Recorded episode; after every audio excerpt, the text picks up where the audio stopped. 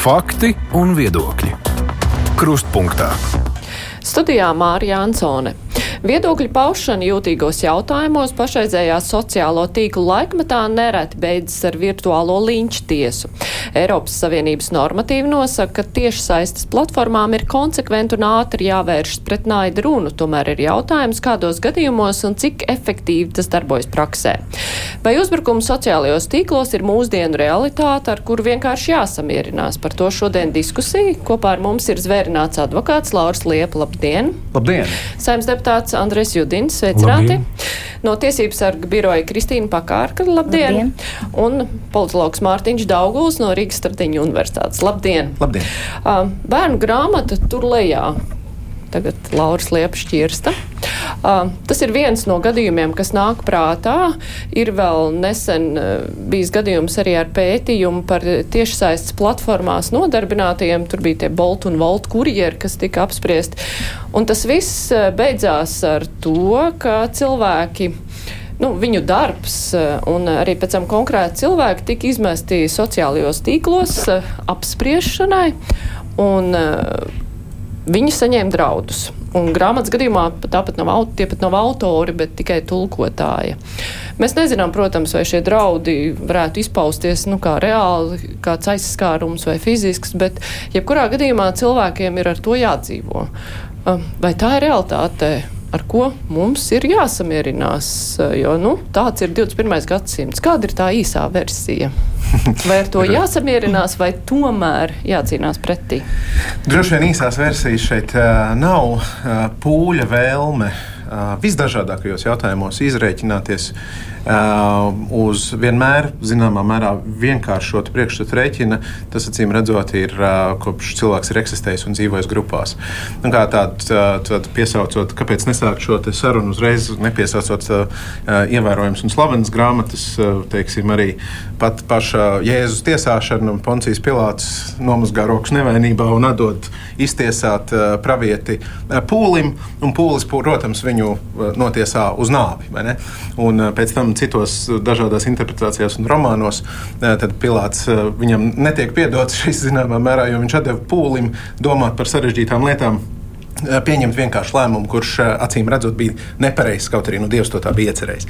Eh, katrā ziņā mūsdienu pasaulē mēs esam zināmā mērā iekāpuši atpakaļ, ka pūlis ir viss, un mums paraugoties sociālajā, virtuālajā pasaulē, izreikināšanās ir bijušas līdz tādiem līmeņiem, kad cilvēki izdara arī pašnāvību šī spiediena dēļ, un viņas vienmēr ir uh, par kārtu agresīvākas nekā tas būtu, piemēram, ja cilvēki tiktos mazās grupās un klātienē. Jo ar to virtualitāti ir tāda maģiska kombinācija. No vienas puses ir anonimitāte un aizseks. Tas ir tas pats, ko mēs iegūstam pūlī. Un no otras puses, tad, tāda liela agresija, un tas cilvēks paliek viens pret uh, visiem. Un caur to arī, protams, nāk atbildi. Mēs dzīvojam sabiedrībā, kurā mēs paši sevi vadām, kā, kā radības kronis. Mēs esam tiesīgi to darīt un bieži vien ar to lepojamies. Tas nozīmē, ka atvad, uh, atstāt nevadītas sistēmas, kas šādā gadījumā ir šī virtuālā pasaule, uh, nu tā nevar. Un, tas ir likuma, morāles un, un diskusiju un domāšanas jautājums, kā ar to tikt galā. Ja vienkārši pieņemt un pateikt, nu, zini, tā ir tā pasaule, uzrakst grāmatu vai pasaka kaut ko, kas, kas nav labs, un tev saklūp virsū tagad un, un nīcina ārā un draud. Uh, nu, es domāju, ka mēs neesam cienīgi dzīvot tādā sabiedrībā. Jā, es pievienojos tikai vienai piebildēji. Tā ir likuma lieta, bet nu, nevajadzētu ar likumu sākt. Jo cik es strādāju saimē, es visu laiku dzirdu, dodiet tādu likumu, mm. lai man būtu aizsardzība, jo man tur pārmeta, mani apsauka vēl kaut ko. Un mums ir tādi likumi, bet jautājums ir jāsaprot, ja mēs runājam par cilvēku iespēju izteikties, paust viedokli, tad vienmēr būs tāda dilema. Vārda brīvība, mm. kaut kāda robeža un atbildība.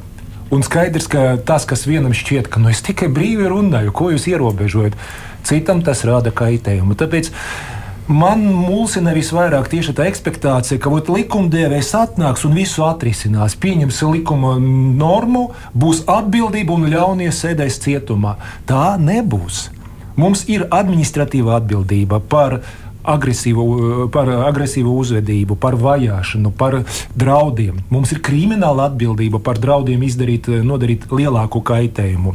Mums ir panti, kas aizsargā godu un cieņu. Mums ir civila tiesiska atbildība un var doties tieši uz tiesu un lūgt aizsardzību. Ir dažādi varianti, bet mūsu cilvēks, ko viņš dara. Viņš raksta sociālajos tīklos tagad jau par sliktu likumdevēju, kurš neko nedara. Ja? Tad ir jāsaprot, ka nav ideāli arī no likumdošanas puses. Es pilnīgi e, piekrītu, ka, piemēram, attiecībā uz civiltiesisko jautājumu, nu, tur ir problēma. Jo kas jādara cilvēkam? Viņam jāiet uz tiesu, jālūdz, lai būtu tie pierādījumi. Tad, e, Pieprasīti, jo tas ir anonīmi, viņš neredz. Tiesa tur pieņem lēmumu, meklē tos pierādījumus, tas ir komplicēti. Mūsu cilvēks grib, lai uzreiz būtu mašīna ar un tieši kāds brauc, lai ķertu to pārkāpēju. Bet tā nevar būt. Bet Jūsu jautājums bija par to, vai kaut kas ir jādara. Ir jādara. Ir jārunā ar cilvēkiem, lai, jāskaidro, ka tolerance ir jābūt lielākai pret uh, citiem cilvēkiem, pret viņu darbiem. Mūsu cilvēki nu, ļoti asīti, īpaši, kad uh, vārdu uzvārdu nevar redzēt. Un uh, otra lieta, kā arī svarīgi skaidrot cilvēkiem, ka viņam ir iespēja uh, aizstāvēties, aizsargāt sevi, bet tas darāms nevis rakstot nākamo komentāru, bet ziņot policijai vai apmeklējot tiesu. Kā jūs uzskatāt, eh, ir jāpieņem šī realitāte vai ir tomēr jāmēģina pat, ja tā ir cīņa ar veidzirnavām, bet eh, kaut ko darīt? Eh, noteikti nav jāpieņem, un es arī neuzskatu, ka tā ir cīņa ar veidzirnavām. Judēna kungs pieminēja vārdu brīvību. Protams, ka darbojoties sociālajos tīklos, izpaužoties, mēs arī paužam šo vārda brīvību, bet jāsaprot, ka šis fenomens tieši linča tieši sociālajos medijos nav jauns un arī nav tieši unikāls Latvijai, ja tas jau ir daudz pētīts arī Ziemeļvalstīs. Un, uh, teiksim, eh, jā, tas ir eh, no vienas puses vārda brīvība, bet no otras puses tas ir ļoti bīstams šis fenomens de demokrātijai vispār. Ja, jo principā tieši pretēji tas nevis veicina vārda brīvību, bet tas apklusina, jo tas apklusina šīs demokrātiskās balsis. Cilvēkus, kuri būtu vēlējušies izteikties, jā, tad ir jau esam dzirdējuši jau par vēršanos pret ārstiem, pret uh, pret, jā, nu, pret mediķiem, pret žurnālistiem. Jā, tagad nākošais etaps jau pret um, pētniekiem. Jā. Un tas tieši pretēji, tas ir ļoti bīstami vārda brīvībai, jo tas, tas to apstādi apklusina. Jā. Un vai ir kaut kas jādara, noteikti jādara. Latviešiem ir teiciens, nu, gudrākais paklusē. Šajā gadījumā tas tā, es tā neteiktu. Jā. Protams, ir gadījumi, kad ir jāpaklusē, bet ir gadījumi, kad ir ritī jādod pretī. Un šeit arī tas gadījums, jā, ka, ka vajag vajadzētu, nu, nevar to atstāt tā, ja, ja, ja runājam par demokrātiskām lietām, vērtībām, tā ir diskusija. Ja? Un uh, vienkārši apklusināt tikai tāpēc, ka kādam šī diskusija ir nērta, vai tas būtu par LGBT jautājumu, vienalga par kaut ko, ja, vai pandēmijas laikā par maskas nesāt, nenesāt vakcīnai, jā, nē. Visi nu, daudz tiek apklusināti. Noteikti, kad ir uh, jādomā, kā ar to cīnīties. Un, Juridiskie, juridiskie rīki diezgan daudz jau ir, un tieši pandēmijā arī tika izstrādāts šīs uh, administratīvo sodu liku, likumā par pārkāpumiem pārvaldes valodas lietošanas jomā par agresīvu šo uz, uzmācīgo uzvedību. Ja? Bet es gribētu arī varbūt cilvēkiem atgādināt pavisam tādu vienkāršu rīku, kas ir tā kā bezmazliet bāku gunas, kas tūlītās arī, ja? un samērā ātri, ko mēs paši arī esam izbaudījuši uz savas tādas, jo arī mēs neesam bijuši pasargāt no šādas, eh, kā lai saka, nolinčošanas, vēlmes nolinčot. Un tas ir uh, uzreiz ziņošana sociālajos tīklos, piemēram, Facebookā. Ja? Pat ja jūs neesat Facebooka uh, ne, lietotājs, ja, mm, principā jūs varat paziņot par kādu citu personu, par viņas, teiksim, nejauko komentāru, naidpilno komentāru. Ja? Bišķiņ sarežģītāk būs ar datiem, ja ir jūsu dati skarti, tad tikai pats cilvēks varēs ziņot, bet par neslavas celšanu kādam, par neslavas celšanas institūcijai, ja, par to var ziņot samērā ātri izskata dažu dienu laikā. Ja, un, eh, nu, tur būs jāizpild varbūt neliela veidlapiņa, bet pavisam īsti daži jautājumi. Un reakcija būs arī par Twitter, jeb X platformu. Jā, burtiski kolēģi noziņoja un dienas laikā vai kā izņēma šo, kur bija arī saistībā ar šo grāmatu par vēlmu noslīcināt cilvēku, izņēma ārā nelikumīgo saturu. Dot pretī Tas ir īstais, vai ir pietiekami instrumenti, kā dot pretī? Nu, jāsaka, ka uh, juridiski jāpiekrīt uh, deputātam un kolēģim Judinkungam, ka uh, likums iespējams ir pēdējais no instrumentiem, ko piemērot. Tāpat laikā varētu sacīt, ka ir pietiekami daudz veidu, kādā par savām tiesībām cīnīties. Tas, ka mums ir gan, protams, publiskie, proti, iestādes, tiesības sargs un dažādi veidi Nu, arī policija ir pienākums rūpēties arī par digitālo saturu. Nav tā, ka uh, šī vide būtu neregulēta vai neuzraudzīta, bet, uh, protams, vienmēr ir arī civiltiesisks instruments. Un es uh, atkal jau šķirstot šo grāmatu, patiešām esmu pirmkārt ļoti pateicīgs, ka izdevniecība Pētergailis ir iedrošinājusies to publicēt.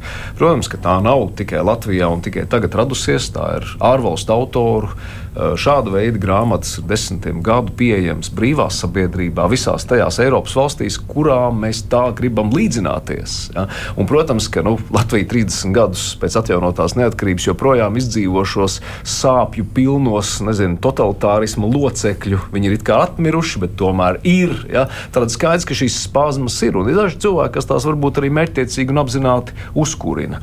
Tie, kas to dara savas nezināšanas vai nu, teiksim, tādas neizpratnes dēļ, nu, zināmā mērā žēl, jāpalīdz. Bet tie, kas tiešām ir provokatori, tie, kas darbojas vai nu savu kādu slimu eh, dēmonu ietekmē, vai tādēļ, ka tos varbūt eh, kurbulē kādi ārvalstu dienesti, kāpēc ne? Šobrīd ir karš Ukrainā. Ja, mēs redzam, ka arī kiberlīmenī tas notiek. Eh, pret tiem var vērsties arī individuāli, sniedzot civilu prasības, prasot atlīdzināt kompensāciju, ja tāda ir radusies. Tā skaitā arī par morālo kaitējumu, kas ir no publiskas komunikācijas. Tā kā es sacītu, jā, instrumenti ir, tos jāmāk izmantot.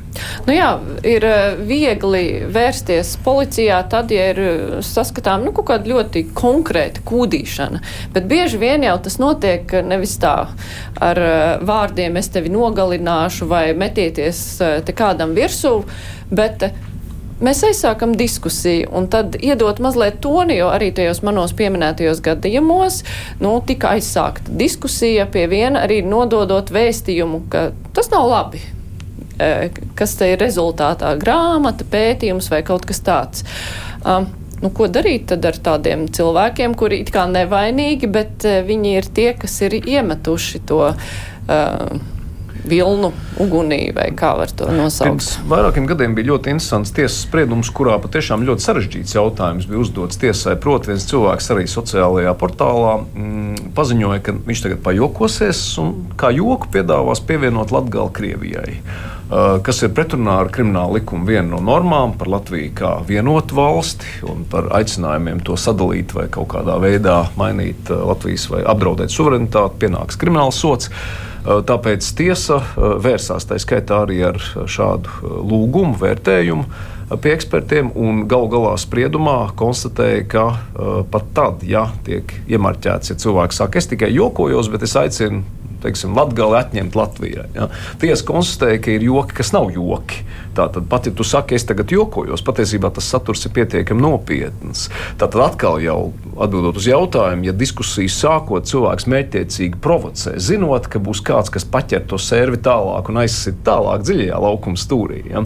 Ir skaidrs, ka ir jāvērtē arī šāds iespējams ārēji it kā nevainīgs piedāvājums. Tas ir vērtēšanas jautājums.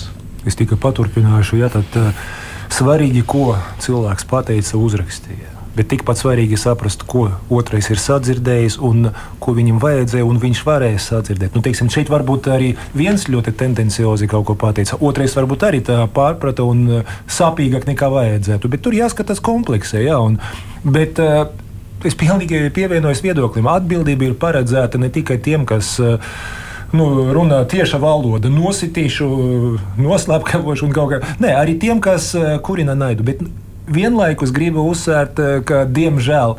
Mūsu policija, piemēram, nu, ja, ja mēs runājam par administratīviem pārkāpumiem vai noziedzīgiem nodarījumiem, viņa labāk strādā tieši, kur cilvēki runā nu, tiešos vārdos. Bet uh, tie gudrinieki, kas uh, nu, tā, iepako savas domas, tādas frāzes, kas uh, nav tik acīmredzamas. Tur ir sarežģīti, bet atbildība ir visiem. Un uh, ikvienam ir jāsaprot, ka nu, tiešām, ja viņš atļaujas provocēt uh, tādu nesaticību, ja viņš kurina cilvēku, naidu, ja viņš aizvaino, par to ir atbildība. Un starp citu, nu, arī gan krimināla likuma, gan administratīva atbildība tagad ir paredzēta par vajāšanu. Un vajāšana, kas atšķiras, tur tieši tāda, ja vairāk kārt atkārtojas, ja, tad nu, vienkārši tāda uzmācīga rīcība. Jā, viņš nes, nesaka, ka nožņaukšu, jā, tad, bet viņš nu, visu laiku ir klāt, fiziski, varbūt arī virtuāli, un cilvēkam nav miera. Raksta izziņas, mailu, tieši komentārus, nu, un cilvēks, cilvēkam nu, tieši sagāda problēmas. Tad aizsardzība šeit ir paredzēta. Bet runāt par sociālajiem tīkliem, es negribu teikt, ka vienmēr jāiet prom, jā, un tad un jāklusē. Bet no viens no līdzekļiem, tomēr, kas var būt arī efektīvs, nu, ja cilvēks ir naidpilns, jā, tad ar naidu runā, nu, varbūt tieši viņu nobloķēt un, tad, un aizmirst. Es neaicinu vienkārši visu laiku ar muguru tieši stāvēt un neredzēt un nedzirdēt. Bet, uh, Turpināt par jebkādu cenu tādu nekonstruktīvu diskusiju arī nav vērts.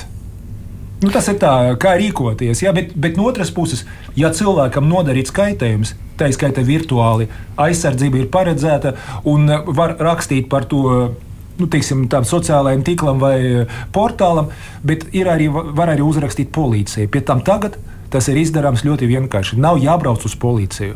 Tāpat, kā mēs pieslēdzamies sociālajiem tīklam, policijas mājaslapa var aizpildīt un nosūtīt informāciju. Nu jā, bet tur arī ir jautājums par eh, policijas spējām ar to visu tik galā, jo mums arī ir klausītājs eh, rakstījuši, ka viņi ir sūdzējušies policijā un nav reakcijas, jo tāpēc, ka gluži vienkārši policija arī ar visu to nevar tik galā. Bet es tomēr mazliet vēl pieķeršos tiem, nu, tā kā provokatoriem. Uh, viena lieta ir apzināti izprovocēt uz saplosīšanu, otra lieta ir vienkārši aizsākt diskusiju par kaut ko, kas cilvēkam ir svarīgs. Nu, teiks, teiksim, kā tad nošķirt, kur ir tā veselīgā vēlme diskutēt un kur ir provokācija? Vai to var nošķirt, Mārtiņ? Nu, es domāju, ļaujoties vēlmei sašķirot arī šo jautājumu uzreiz balts un melns. Mēs zināmā mērā atkārtojam to tieksmi, ko mēs palielinām, tad, kad esam daļa no pūļa. Sadalīt mm -hmm. melnā un baltā. Es domāju, ka mūsu iekārta, kādā mēs dzīvojam, proti, demokrātija un vispār rietumu sabiedrības kaut kāds morāls kompasi, ir diezgan skaidri parāda, ka šiem jautājumiem svarīgi ir konteksts, šiem jautājumiem svarīgi ir process un saruna ja, un izvērtēšana šajā sarunā. Un šeit ir viens aspekts, kurus absolūti pievienojos kolēģiem, ka nu, saukt pie tiesas. Tas ir tas droši vien pēdējais aspekts, un mēs to darām, kad mēs jūtam, ka nu, likums ir pārkāpts, kad mēs jūtamies nedroši. Bet demokrātijas liela, liela, manuprāt, loma, par ko es daudz esmu arī domājis, ir tas, kā tu jūties, ar kādu aizmuguri tu jūties uh, savā profesijā, savā žanrā, ko tu pārstāvi, kurš mūsdienās vienmēr nokļūs kaut kādās krustugunīs. Nu, piemēram, šajā gadījumā es pats nāku no universitātes politikas spārna, bet pat universitāte ir medicīnas universitāte, vai ne? Ar, ar veselības jautājumiem strādā. Un, ja tu šodien esi ārsts, tad tev ir ļoti ātri iespēja nokļūt uh, linča tiesas krustugunīs par jebkuriem jautājumiem, kaut vai higiēnas jautājumiem vai, vai nezinu, pat, pat aizstāvot kādas modernas tehnoloģijas, kas palīdz cilvēku ārstēt. Un tad, manuprāt, labā demokrātijā tu neesi viens. Tu neesi viens. Tev aizmugurē ir asociācija, tev aizmugurē ir tava ārstu organizācija. Tas pats attiecībā uz žurnālistiem. Žurnālistam nav jābūt vienam, ārstam nav jābūt vienam. Aizmugurē ir šādās situācijās jābūt profesionālām organizācijām, kas dod gan to spēku, eh, kas ir spēks informatīvs. Sakot, nē, mēs tevi neatstāsim, vai pasarg Dievs, vēl nepagrūdīsim tuvāk. Kraujas malai cīnies tu pats, vai ne? Šis ir ļoti strīdīgi, lai cīnās pats. Uh, uh, otrs aspekts ir arī šis tiesiskās aizsardzības aspekts. Jo viena lieta ir patiešām zināt, ka man likums ļauj šīs darbības veikt. Otra ir apzināties, ka tu ieslīgsti procesā. Uz gadiem, kur tev ir visticamāk jāalgo advokāts, visticamāk tev ir jāiesaistās kaut kādās procesuālās darbībās, kas prasa tavu laiku, uzmanību un, un dzīvi. Un tādās situācijās ir ļoti labi, ja ir organizācija, kas tev palīdz to darīt piemēram, nu, nezinu, kādos strīdīgos jautājumos, kad kāds lobbyists X mēģina jūs saukt pie tiesas par to, ka jūs esat pateicis, ka kaut kas ir veselīgi vai neveselīgi šajā situācijā, ka jums ir asociācija, kas, piemēram, nodrošina jurista palīdzību aizstāvoties pret šādu asimetrisku varu. Es domāju, ka tā asimetrijas jautājums ir tas, kas demokrātijai ir šeit risināms, ka tu nepaliec asimetriska pārspēka priekšā kas ir pūlis, provokatori, īstenie jautājumu uzdevēji, kuriem pavilkušies citi līdzi. Tas nav pat tik būtiski, cik tā drošības sajūta, kad ir kaut kāds godīgums, tā paritāte tajā cīņā un kaujā, kur mēs uz brīvas runas palīdzības pamata noskaidrojam, kas tad ir tā patiesība, vai nu tuvojamies vai netuvojamies cits citam konkrētajā kontekstā. Nu, tā ātri pārskatot nu, situācijas, parasti jau iestājas organizācijas. Arī šīs grāmatas autori Rakstnieku savienība ir aizstāvējusi. Ja, es domāju, ka attiecībā uz ārstiem varbūt tas ir tiešām ļoti labi. Bet... Kad ir piemēram pretenzijas tulkam par to, ka viņš tulko grāmatu nepareizi, kā kādam šķiet, šeit es nedomāju, ka tulku asociācija varētu palīdzēt. Jo tas ir pats par sevi skaidrs un saprotams. Nu, ja ir pretenzijas, tad lūdzu rakstiet autoriem, bet kāda vaina tulkam? Un, Šajā eh, gadījumā ir... tulkotāju aizstāvēja arī asociācija. Bet es domāju, ka pra, ne, nu vienkārši, es domāju, ir labi, kad ir, es pilnīgi piekrītu, ir labi, kad ir tieši tā, tu jūti, ka tu neesi viens, bet eh, paļauties uz, eh, tikai uz asociācijām šeit, nu, ja cilvēkam piedodiet ar veselu prātu, ir sarežģījumi, teiksim tā, ja viņi tieši tad ļoti agresīvi pret cilvēku, kurš izpildīja nu, teiksim, tā, radošu, bet tehnisku darbu. Nu, radošu, tehnisku, ja tā var teikt. Jā, tad, nu, kas ar cilvēkam notiek? Kāpēc viņi tieši naid, ar naidu pret cilvēku, kurš vienkārši nodrošināja Latvijas sabiedrībai piekļuvi informācijai, kas bija vācu valoda? Nu, tas ir neizskaidrojums, bet par to, ka atbalsts ir ļoti svarīgs. Jo tā sajūta, ka tu esi viens un tavi tie. Nu, tuvinieki vai tuvie draugi vai kolēģi skatās tā, nu, labi, ka ne par mums. Nu, tas ir ļoti smagi. Un es domāju, ka šeit ir svarīgi gan nu, ne tikai asociācija, bet arī tā, ko piemēram tagad mēs runājam un aizstāvam cilvēku. Arī tas ir svarīgi, lai cilvēks saprastu, viņš neizdarīja neko tādu, kādēļ viņam būtu jācieš no tādas emocionālas vardarbības. Vai pietiek institucionālās aizsardzības, kā jums šķiet, vai līdz tiesību sargu birojam eh, kaut kādi tādi gadījumi arī nonāk? Ir nonākuši, bet salīdzinoši nedaudz. Mēs arī varbūt aicinām cilvēkus uh, ziņot par šiem gadījumiem, kā viņi ir izmantojuši tiesību aizsardzības mehānismus par šo administratīvo atbildību, par 11 uh, primpantu uh, pārvaldes likumā. Jā, būtu ļoti interesanti tiešām uzzināt arī to, nu, teiksim, kā praksē veicās.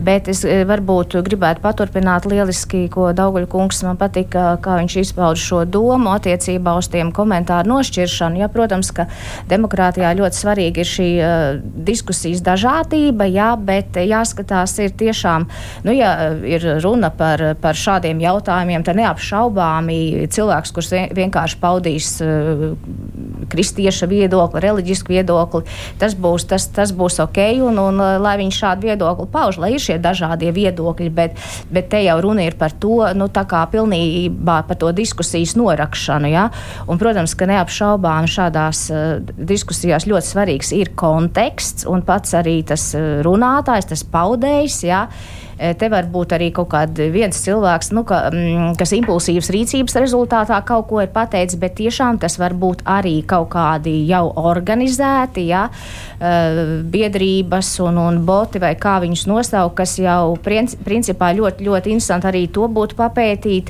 kas tad ir stāvas tiem komentāriem. Ne jau vienmēr tur būs godīgs cilvēciņš, kas gribēs uh, dot savu pienesumu demokrātiskajai diskusijai. Tur noteikti būs arī kaut kādas organizētas grupas, kam vienkārši interesē interesē, norakt tēmu, jā, kas demokrātijai ir svarīga, atkal kārtējo tēmu, nu, jā, no, teiksim, no austrumiem, kas nāk šīs strāvas, ko mēs zinām gad, gadiem, gadu desmitiem, eh, kur ir strādāts pie šī tēmu, nu, tādas kavēšanas. Bet viena lieta ir, nu, ja ir kāda ārzemju iejaukšanās, bet cita lieta ir vietējie politiķi, vai mums ir pamats aizdomām, ka varbūt kādos partiju birojos arī ir eh, cilvēki, kuri zem kādiem vārdiem, eh, anonīmiem, eh, nu, sēž un komentē Twitterī, nevis par platformām. Nu, noteikti ir, bet jautājums, ka nu, nevienam nav aizliegts to darīt. Un es atceros, ka tiesapsargiem bija pētījums par 2015. kaut kur gadu, kur viņi raksta, ka anonīmie komentāri nav ļaunums pats par sevi. Jo ir situācija, kad cilvēks kaut kādu iemeslu dēļ nevar atklāt identitāti, bet tā informācija ir svarīga un vērtīga. Tāpēc uh, slikti ir tas, ka visbiežāk tomēr to anonimitāti izmanto, lai pateiktu kaut ko nu, tik riebīgu un nepatīkamu, lai aizvainotu. Tā ir tā problēma. Bet par to, ka visu, ne tikai teiksim, nu, nu, principā, arī politiķu, tieši tad politiķi tur droši vien kaut ko tādu var darīt. Es nešaubos. Nu, jautājums, ja viņi ir anonīmi, viņi neparakstās, ka tāda un tāda partija nofinansēja. Bet, Diemžēl mūsu politika ir tāda, kāda tā ir. Es arī tagad, piemēram, mums šodien bija sēde par partnerību. Es ar kolēģiem tad normāli komunicēju, jā, un tad visi visu skaidro, bet kāda ir ieslēgts mikrofons, kameras, nu, ko es dzirdu no viņiem, nu, it kā viņi no citas planētas. Kameru izslēdz, atkal normāli runājam, viss ir kārtība, nav problēmu. Nu, tur tā lieta. Es tikai jā. pavisam īsi gribētu paturpināt, jā, ka šis eh, tas, uh, politiķu paustais tas ir vēl kritiskāk vērtējums un tas ir vēl bīstamāk, jā, jo tas ir, nu, kā lai saka, kritika pret eh, politiķi, tās robežas ir plašas, bet ja pats politiķis veicina šo naida runu, nu, tas vispār nav pieļaujami un Latvijā tas netiek pietiekoši apkarots, tad to gan pret to vajadzētu vērsties ar vislielāko bardzību, jo viņi jau ir tie, kas, nu, iznāk priekšplānā, sabiedrības priekšplānā un tad var veicināt kaut kādas demokrātiskas diskusijas. Bet, ja mēs redzam tieši pretējo, ja pauž naidarunu pret uh, minoritātēm dažādām un tā, nu, tas, tas nav akceptējams. Mārtiņa. Mēs, es... jau, mēs jau redzam, arī sociālās tīklos politiķi ar zem sava vārda kaut ko saka. Parasti tas viss notiek tādās nu, pieļaujamās robežās, un tad ir bieži vien vesels bariņš, kurš to visu paspilgtināti vēl turpina. Vai mums ir jā, pamats domām, ka nu, kāds tā vienkārši veido savu politiku.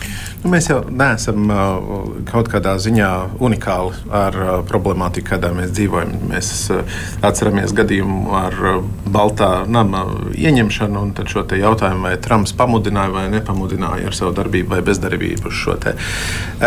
Es, domāju, ka nu, tas svarīgais jautājums ir par kādas kvalitātes politiku mēs runājam. Un te man pašam, kā diezgan konservatīvam cilvēkam, ir sajūta, ka mums jāatgriežas mazliet pie saknēm, ko mēs uzskatām par morāli pareizi vai morāli nepareizi. Un, protams, arī tautas gudrībā vīrs un vārds, jeb mūsu darbu sakritība ar mūsu vārdiem šajā gadījumā arī būtu pietiekami būtiska. Un Judina kunga pieminētais aspekts, ka mēs uzvedamies kā izrādes sabiedrībā, kur, kur kabinetā vai smēķētavā mēs tur paņirdzam un darām vienu lietu, un tad izējam ārā pie kameras un, un tēlojam morāli pārākas būtnes par visiem citiem un saucam pie tiesas un taisnības.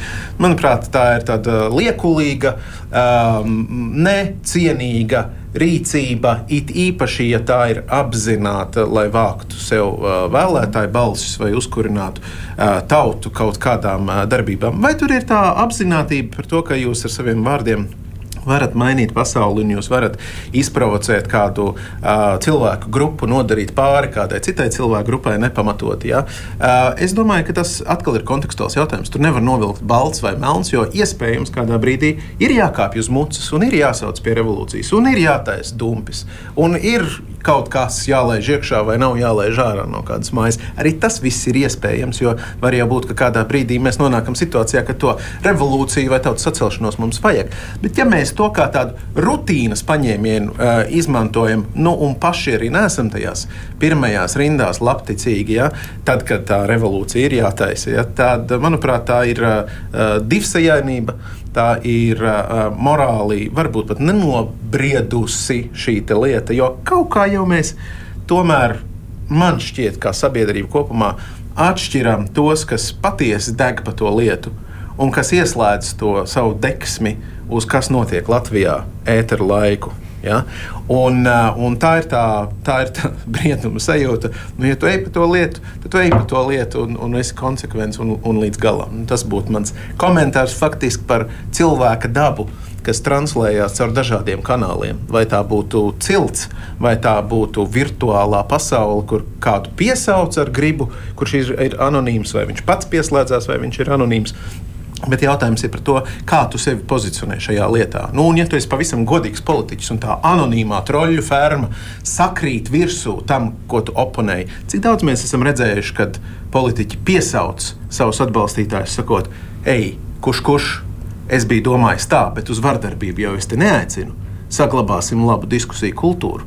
Es domāju, ka tajā brīdī ir diezgan skaidrs, ka diez vai tu iesi pret pašu algoto anonīmo troļu fermu vai ko tamlīdzīgu. Tā kā šie jautājumi ir pietiekami sarežģīti, bet gala rezultātā viņi aiziet pret to par, pret pie indivīda morālās stājas un pilnas atbildības un sazobas ar realitāti, ko viņš dara vai ko viņš nedara. Bet, nu, principā, tur tāpat runa tikai par morāli etisko atbildību, nevis par kaut kādu juridisko, vai ne, Lauri? Nu jā, nu, attīstītā sabiedrībā jau patiešām pirmkārt jau mums ir standarti, pie, pie kā mēs vienmēr esam turējušies un dzīvojuši. Tikai tā problēma ir tāda, ka uh, it īpaši redzot arī tādas globālas uh, transformējošas parādības kā pandēmija, kā uh, karš, kas likās ir paliek kaut kur 20. gadsimta pirmā pusē un tā tālāk. Es domāju, ka daudziem cilvēkiem vājākiem cilvēkiem nobrūk robežas. Viņi domā, ka ah, nu tagad vairs tagad atkal viss var darīt to, ko man bērnībā teica, ko nedrīkst darīt. Jā. Tātad es domāju, ka tur ir nu, tas svarīgākais, protams, ir juristi ir vēlāk. Jā. Pirmais ir nu, cilvēkiem tas iekšējā sajūta, ko tu drīkst, ko tu nedrīkst darīt, un, un savstarpējās attiecības. Nu, tas, ko arī satversmes tiesa ir vairāk kārt uzsvērusi, cieņpilna, cieņpilna attieksme vienam pret otru. Bet vai nu, teiksim, tā, jūs minējāt, ka politiķiem vajadzētu būt lielākai atbildībai, jo nu, tāpēc, ka, nu, viņi, viņiem principā jābūt mm. lielākai atbildībai, un viņi ir tautas priekšā. Jā. Bet, nu, bet kā, kā lai viņi atbild? Nu, ja, ja cilvēki pieņem, vēlētāji pieņem. Daudziem tas vispār patīk, varbūt eh, šāda veida politika. Nu, nu, tas ir tāds kā aburtais lokus, jo principā eh, cilvēki viņus ir izvirzījuši. Ja, viņi atkal eh, dara to, kas cilvēkiem patīk un, un turpina turpina būt tautas priekšstāvim tā, bet nu, es to uzskatu par vistīrāko liekulību, ja, un es to, teiksim, vērojot diskusijas un, un darbību politikā saredzu no atsevišķiem arī uh, spēlētājiem, ja, ka teiksim, izmanto kaut kādas tēmas, par kurām ir aizspriedumi sabiedrībā. Ja, tie, e, tās vēl vairāk uzkurina tā vietā, lai sabiedrību varbūt kaut kādā veidā pamācītu, nu ne jau tādā pavisam vienkāršotā izpratnē, jā, bet virzītu uz kaut ko um, progresīvu. Tā vietā izmanto kaut kādus aizspriedumus, kaut kādu nezināšanu, jā, un liekulīgā veidā plūc, plūc sev laurus. Jā, nu, bet atbildēt, nu, tā ir kaut kāda jā, pašatīrīšanās. Protams, ka vienkārši tikai par to, ka politiķis ir paudis tādu viedokli, kas nav pie, pieļaujams, tad, tad nu, es šeit tādu juridisku atbildību, ja tā nebūs uzreiz naida runa, jā, tādu juridisku atbildību neredzu. Vienkārši tādu tīrā, tiešām morālu atbildību. Ja, nu, es domāju, ja kamera ir tie, kas aplaudē Ja, tad būs arī tie, kas eh, no skatuves sludinās, par ko aplaudē. Un šeit, nu, tā kā jūs teicat, apgūtais lokus ir. Bet, uh, man tas drusku atgādina diskusiju par uh, viltus ziņām. Ja, tad, protams, var tur daudz ko darīt, bet uh, atslēgas vārds - mediju pratība. Tad patērētājs var saprast, nu, nedrīkst tam ticēt. Tāpat arī šeit, ja mēs runājam par uh, cilvēkiem, pilsoņiem, vēlētājiem, un tad uh, skaidrojam, nu, ja sabiedrība mainās, ja viņi vairs neaplaudē, ja viņi tieši redzot, ka cilvēks, kurš kurina naidu, saņem nosodījumu, nu, nākamreiz viņš to nedarīs. A, kamēr ir tieši tāds, wow, tu esi varonis, tu pateici šitiem to, ko, kas bija sen, nu, tā arī būs politiķi to izmantos. Jo laiki balsis, teiksim, vēlēšana diena politiķiem ir svarīgi, un uh, viņi saprot, un, nu, cik tas nebūtu nožēlojami. Jā, tad, līdz ar to, protams, gadījumos, kad ir pārkāpts likums, tad ir atbildība. Bet, ja mēs gribam audzināt uh, politiķus, tas ir jādara sabiedrībai. Un tieši sabiedrībai jārēģē. A mums sanāk tā, pie mūsu polarizācijas, tad viena puse nosoda, otra aplaudē. Ja? Tad vienalga, par ko ir stāsts. Ja? Tad pat par lietām, par kurām, nu, manuprāt, vajadzētu būt vienprātība. Ja mēs runājam par cilvēku, viņa interesi aizsardzību, kāda starpība, kāds viņš ir, kāda viņam krāsa, kur viņš piedzīvo, kāpēc viņš šeit Latvijā atrodas, viņš cilvēks. Viņu vajadzētu aizsargāt. Mums ir tāds sadalījums, un daļa stāsta par to, cik viņam ir grūti, a otrā, lai brauc prom, lai vispār tur dara kaut ko, bet slepeni. Uh, Ja problēma ir sabiedrība, tad ir jāsaprot, ka politiķi tikai demonstrē to uz ārā, bet tas nenozīmē, ka problēma ir politiskām partijām. Partijas ir daļa no mūsu sabiedrības. Es nu, varbūt jā. paturpināšu mm -hmm. to, to domu, ka kas tad ir morāli, ja nav likums, pie kā saukt, vai, vai nav efektīvi pie tā saukšana. Es at, šajā gadījumā es at, atļaušos tomēr attīt atpakaļ. Es domāju, ka tā morāla nāk pirms likuma kas ir iekšējais nosacījums par izpratni, kas ir pareizs un kas ir nepareizs. Un šajā gadījumā jau arī nu, tajā vienkāršošanas laikmetā, kas mums ir, tā nedomāšanas bīstamība un lielā nemīlestības bīstamība caur to arī ir. Un, kā mēs paskatāmies uz lietām konsekvencē, nu, protams, ka ka mēs varam pateikt, uh, mēs gribam ļoti ātru tiesu šajā lietā. Nu, kurš strīdēsies pretī? Ne? Gribam ātru tiesu. Bet jautājums ir, nu, ko, kas ir tas piedāvājums, ko konkrētais indivīds dod ātrai tiesai? Jo ļoti ātra tiesa ir arī mēs sanākam trietā un piespriežam tepat trīs prokurori. ja, būtu labi, trīs advokāti, bet trīs prokurori. Ja, un, un gatavs. Un mēs esam dzīvojuši tādos režīmos, kur ir ļoti ātras tiesas, kur tev atbrauc un abelē pakar pēc tam uzreiz arī. Ja? Un tas ir tas jautājums par to morāli, ka jebkurš jautājums, ko mēs risinām, ir daļa no plašāka jautājuma loka. Ja? Un, ja tajā gala rezultātā ir uh, nāves vēlējums, vardarbības vēlējums, tas var novest pie posta. Tajā brīdī mēs sakām, nē, tas nav pareizi.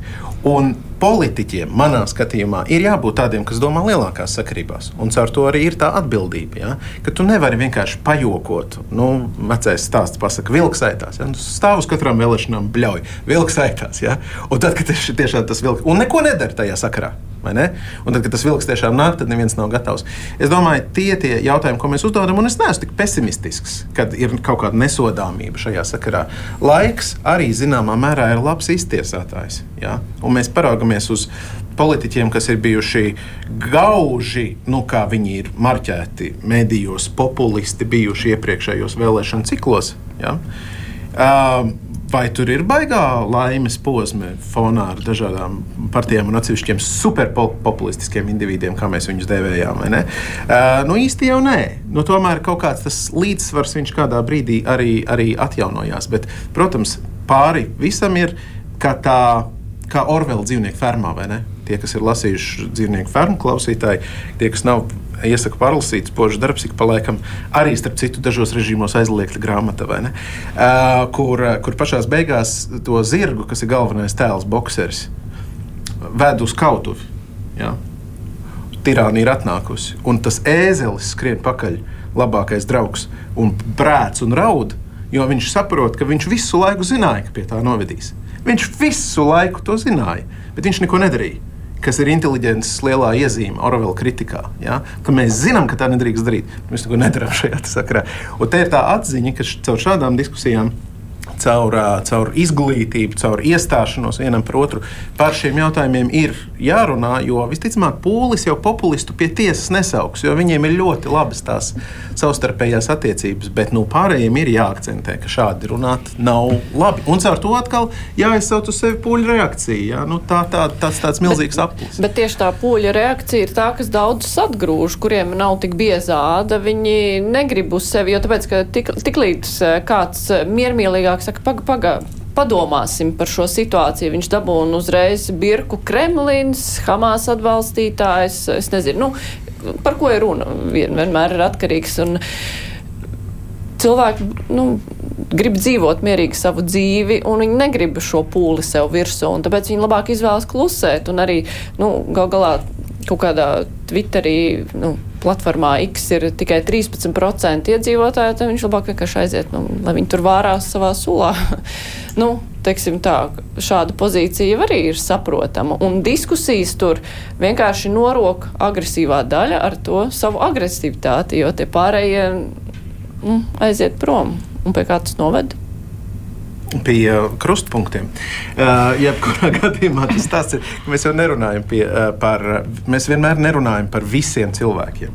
Vienmēr būs tā daļa, kas būs sabiedriski aktīva un, un kuriem rūpēs, un kuriem varbūt tā kritiskā masa, vai man izteikties, vai man neizteikties, varbūt uh, norezonēs uz to, ka tur pretī ir agresīva vai nav agresīva. Bet, uh, bet nav tā, ka mēs radīsim vidi. Es domāju, tā ir totāla ilūzija, ka mēs radīsim vidi, kurā, kurā nav agresijas. Agresija arī daļa no, no, Bet no tas tādā kā tiem viļņiem tomēr Bet, iet. Nu, jā. kur tas noved? Nu, mēs ļoti labi redzējām tikko, ka Polijā diezgan ilgi bija partija, kuras viens no instrumentiem bija populisms. Tātad tur bija tāda manipulācija arī ar savu vēlētāju. Un vienā brīdī pat tie vēlētāji pagriez muguru un teica, nu nē, jūs paši esat gan korumpēti, pret ko jūs it kā cīnījāties. Jūs paši piedāvājat ļoti radikāls instruments, teiksim, aborta regulējums, ja, kas, kas aizsviež Poliju kaut kādā atkal tālā laikā pirms daudz, vairāk kā simts gadiem. Un tā, tas ir tas brīdis, kurā man stāstīja poļu draugi, ka tur ir cilvēki gājuši pie iecirkņiem trijos naktī stāvēt, cik ļoti viņi gaidīja to brīdi, lai mm. pateiktu, ko viņi par to domā. Ja? 85% vēlētāji. Nu, tas ir pat labāk nekā solidaritātes pirmās vēlēšanas. Bet tad, jā. principā, tas vilnis viņš vienkārši vienā brīdī jāsasniedz kaut kāds -hmm. pavisam, pavisam krasas punkts, kurā nu tiešām cilvēki piecelsies un pateiks, nu nē, arī es, mierīgais sēdētājs, to nepacietīšu. Ja? Nu, jautājums, vai mūsu sabiedrībai ir jāgaida tādi ļoti smagi punkti. Ja? Jo tajā brīdī, kurā ir izcila valdība, lielisks parlaments, man liekas, mēs visi varam nodarboties ar savām ikdienas lietām un teikt, fantastiski, ir profesionāli politiķi, mēs esam ļoti apmierināti, dariet savu darbu. Ja? Bet arī par sociālajiem tīkliem runājot, nu, viena lieta ir nu, cilvēki, kas tur izpaužās, un ziņot var, ja ir iebildumi, un arī Eiropas Savienībā ir tomēr tiesība akti, kas pasaka, ka naida runa nav pieļaujama, bet cita lieta ir nu, šie tīklu turētāji, viņi jau neatrodas Eiropas Savienībā, cik tā viņi klausa, viņi var neklausīt. Tā ir problēma, jo pirmkārt, tā, protams, lielākie sociālai tīkli pieder ASV uzņēmumiem, taču Eiropa un šai ziņā, protams, Latvijai kārtējais pro-arguments, kāpēc, esam, kāpēc ir labi, ka Latvija ir Eiropas Savienībā. Eiropas Savienība diezgan nopietns spēlētājs, un arī gan tā skaitā regulējums, gan arī sodi, kas atsevišķos gadījumos tiek piemēroti, tā skaitā ārējiem uzņēmumiem, ne no Eiropas, viņi ir pietiekami lieli. Bet es gribētu teikt, tas ir līdzīgi kā patērētājiem cīnīties ar, ar vienu grandiozu pakalpojumu pakalpojumu vai produktu pārdevēju, uh, tev ir ļoti grūti aizklauvēties. Ja, tātad, tas tas, tas gadījums, kurā patiešām var būt neatbildētas, uh, pie, neatbildēti pieprasījumi pietiekami ilgstoši. Taču tas, ko, manuprāt, arī no tiesības, tiesības sarga pieredzes, tas, ja ir kritiskie, ja tiešām ir šie smagie gadījumi, tad tur tā reakcija ir pietiekami ātra. Jo uh, sociālo tīklu turētāji ļoti labi zina, tik līdz kā viņi nenoreaģēs uz nu, smagākajām lietām, piemēram, aizskārumu pret bērniem, kaut kādu iespējami apdraudējumi, terorismu apdraudējumi vai noziedzīgu apdraudējumu, tiklīdz viņi to nenoreaģēs, tā viņiem pēc tam būs ļoti bargi jāmaksā. Jā, tā kā es gribētu teikt, atkal, neviens nav tik liels, lai tomēr nedzirdētu arī mazāko no kliedzējiem. Jā. Tieši tā, es gribēju arī paturpināt, e, ka ir jau spēkā šis uh, digitālo pakalpojumu akts un, un uh, pilnībā visās val, eh, dalību valstīs jāievieš nākošā gada februārī. Ja? Tieši tas arī ir tas rīks, kas liedz. Ievietot eh, vai publicēt šo naida runu, aicinājumu uz vārdarbību. Ja? Un tas noteikti arī jā, jāizmanto. Un es domāju, arī Latvijā viņš vairāk jāskaidro, ja, kāda ir tā platforma atbildība, jo viņa ir. Un es jau ko minēju, arī saskārāmies, arī izņēma šo saturu. Ja? Un eh, būtu jāskaidro pavisam varbūt vienkāršā valodā, rīta raidījumā vai atnāk eksperts un pas, pasaka, ja lai ik viens bērndārs audzinātāji vai farmaceiti vai cilvēks, kas ir saskāries tieši kādi soļi veicam, lai, lai izņemtu šo, šo mm, e, naida runu saturu un tā. Tā kā tie rīki ir, bet es domāju, e, arī Latvijai kā mazai valstī tiešām jāskaidro un, un jā, jāsaprot, ka ir viņu tā atbildība, bet daudzos gadījumos vienkārši, nu jā, atbildība kaut kāda ir, bet mēs īsti nezinām. Ir e, atbildība un, un ļoti nopietna. Tieši ar šo pakalpojumu aktu. Es domāju, ir gan atbildība, gan arī reakcija, bet eh, man gribētos vienu soli atpakaļ spērt jā, un eh, vērst uzmanību, ka sociālajiem tīkliem ir kaut kāds saturs. Un, uh, ir cilvēki, kas redz naidarunu, rēģi, un tas ir viens tās, kas ar naidu saistīts ar nepieņemamu lietām, ar agresiju. Bet ir saturs, kas varbūt nav tur tā naida, bet vienkārši man nepatīk. Man kā patērētājiem gribētos redzēt kaut ko citu. Ar tur citādāk domājošie publicē un atražo, kas mani kaitina, bet viņi arī ir tiesīgi paust viedokli. Tad līdz ar to domāt par to, ka kādreiz pienāks tas brīdis, un tad eh, dari, ko gribi, tur meklē, un visa informācija patīkama, interesanta, neizraisa nekādu negatīvu emociju. Piedodiet, nu, Tas nav iespējams un diez vai būtu par labu sabiedrību. Viedokļu dažādība ir laba lieta. Cita, eh, cits jautājums, ka ja tie, kas pārkāpj robežas, ja viņi paliek nesodīti, ja viņam nekas par to nedraud, ja viņi tieši turpina atražo nu, tieši naidu, tad jā, tur jābūt reakcijai. Un uh, es ļoti ceru, ka Eh, Nu, es gribu domāt, ka, ja ir ziņojumi par tādiem gadījumiem, kā reakcija seko, protams, ka šeit atkal, ko grib cilvēks. Es nospiedu pogu, un pēc piecām minūtēm joprojām tur ir tā informācija. Nu, kas tas par lietu? Tik ātri varbūt tiešām nevienmēr tas notiek.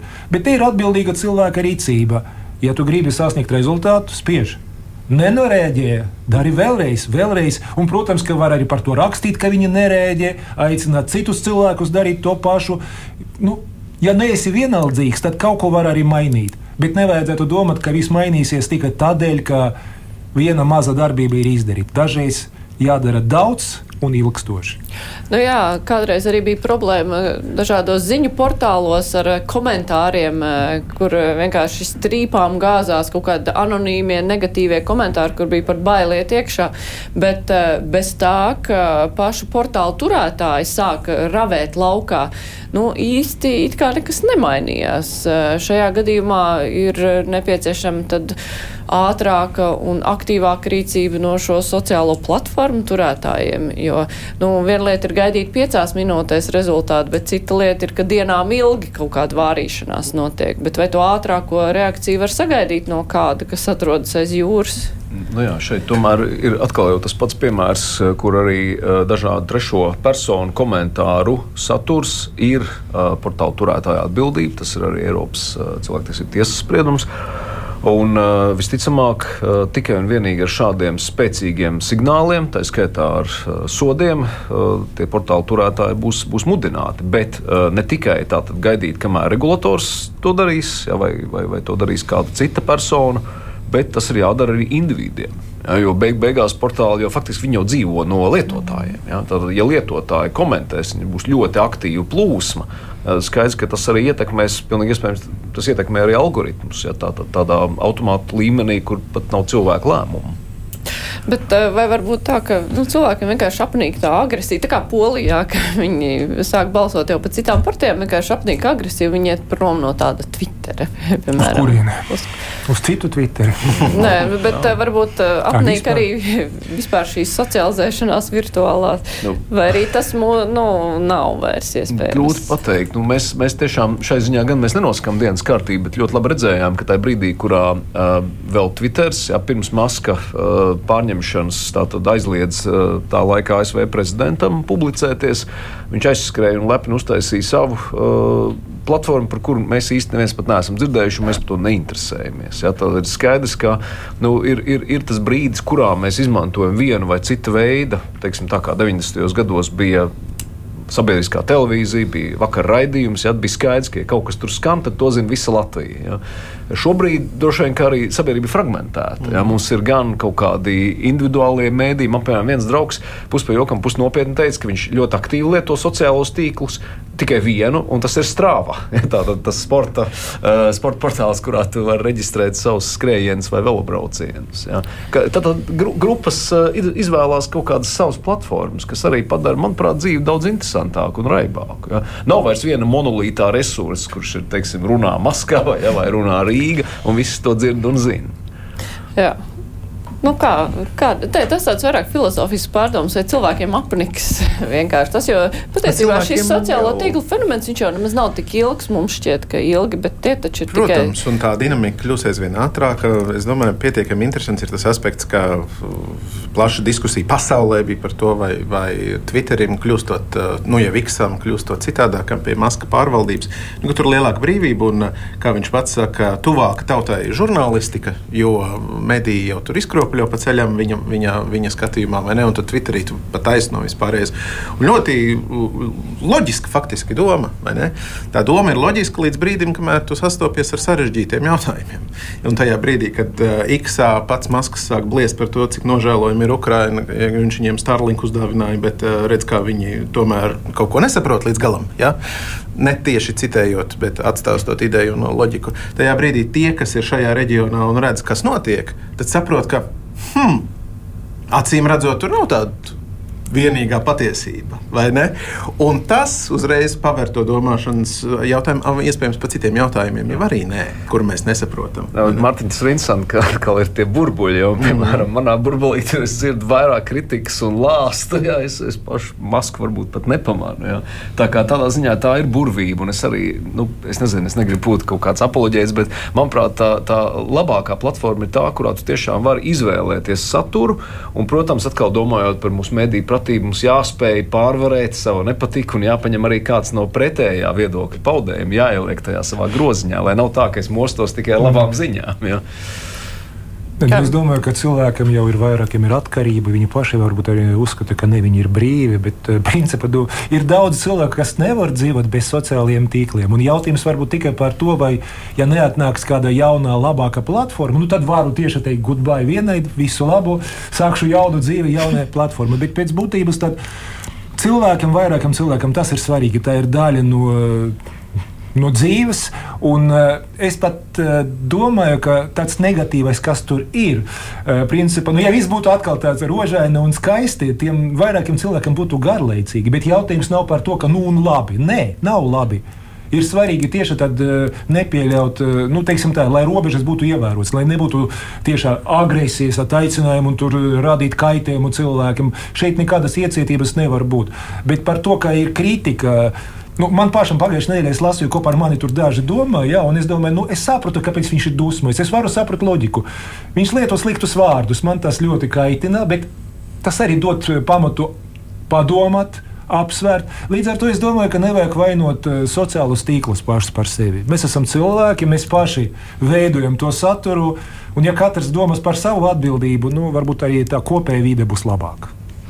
Kā jums šķiet, eh, tas sociālo tīklu atplūds būs, nu, ka cilvēkiem vienkārši apniks eh, tās Nu, tā ir cilvēcīga. nu, es nezinu, un ja, ja apniks vardarbība, tas būs brīnišķīgi, manuprāt, un, un ja būs diskusijas, jo, man liekas, jāatgriežās pie tā, ko mēs sākumā, par ko sākām diskutēt, ka nav vairs vietas šai demokrātiskajai diskusijai, nu, to gan nedrīkstētu pieļaut, ka, teiksim, kaut kādi, jā, vardarbīgi vai, vai ļoti naidīgi komentāri, un, un kas vēl ir organizēti un masveidā uzbrūk cilvēkiem, un ka vispār šo diskusiju noņem no dienas kārtības tikai tāpēc, ka cilvēki jau baidās. Nu, tas būtu bīstami. Bet, ja mēs visi sacēlāmies pret vardarbību, es domāju, tas būtu tieši labi. Nu jā, bet, eh, kā jau Mārtiņš minēja, daudz kas mainās, un tieši mēs arī pirms 20 gadiem neiedomājāmies, kas ir sociālie tīkli. Tieši tāpat mēs tagad nezinām, kas būs tas nākamais, bet eh, kopumā likumdevēji tā māk pielāgoties un šiem izaicinājumiem un eh, nu, tikt galā ar. Uh, kā regulēt šādas jomas, vai tas notiek pietiekoši ātri? Es domāju, regulācija šeit, šeit drīzāk vajadzīga aizsardzība. Nevis regulācija, ko rakstīt ar kādiem vārdiem, bet uh, nepieļaut, ka kāds izmanto tīklus, lai izdarītu nu, pēc būtības arī noziedzīgas darbības. Saprotiet, ka Huligāniska darbība uz ielas eh, pēc sava kaitīguma var neatšķirties no tā ļaunuma, ko var radīt eh, tieši kaut kādi posti, publikācijas. Un ir svarīgi, kas man, kas man tieši šķiet ļoti svarīgi un pareizi, ka, piemēram, aicinot tieslietu ministrijas pārstāvjus uz sēdēs, dzirdu no viņiem, ka kāda starpība virtuāli vai reāli ļaunums ir ļaunums. Kaitīgums ir kaitīgums, un tādai attieksmei ir jābūt. Bet par to, ka laiki mainās, un, piemēram, manam bērnam Facebook vairs eh, šķiet, nu, tur nav tā īsti ko darīt, bet citai paudzei ir interesanti. Tas ir normāli, viss attīstās, bet uh, pret ļaunumu mums jābūt neiecietīgiem. Ja vienalga kādās izpausmēs. Es teikšu paldies visiem, kas piedalījās. Zvērināts advokāts Lauris Liepa jau devās mazliet ātrāk prom. Mārtiņš Dauguls, politologs Rīgas Stradiņu universitātes politikas zinātnes katedras vadītājs. Saimas deputāts Andrēs Judins bija kopā ar mums paldies. un no Tiesības sarka biroja Kristīna Pakārkla. Paldies, ka varējāt atnākt. Rīt kruspunktā kolēģis Aidis Tomsons runās par bankām, par kredītu, tie, kredītu iestāžu tirgu atkal līdz ar šo likmju kāpumu ir parādījusies diskusija, ka varbūt valstī vajag iesaistīties tirgu un izveidot vienu pārveidot Altumu par uh, banku, bet uh, tā kā ir jau bijusi pieredze ar hipotēku un zemes banku, tad nu, daudziem ir iebildumi, ka varbūt vai vajag to vai nevajag darīt. Bet nu, visus par un pret varēs izsvērt mans kolēģis rītdienas raidījumā. Šodien gan kruspunktā izskan raidījuma producenti Ieva Zēze, studijā bija Mārija Ansona. Visu labu!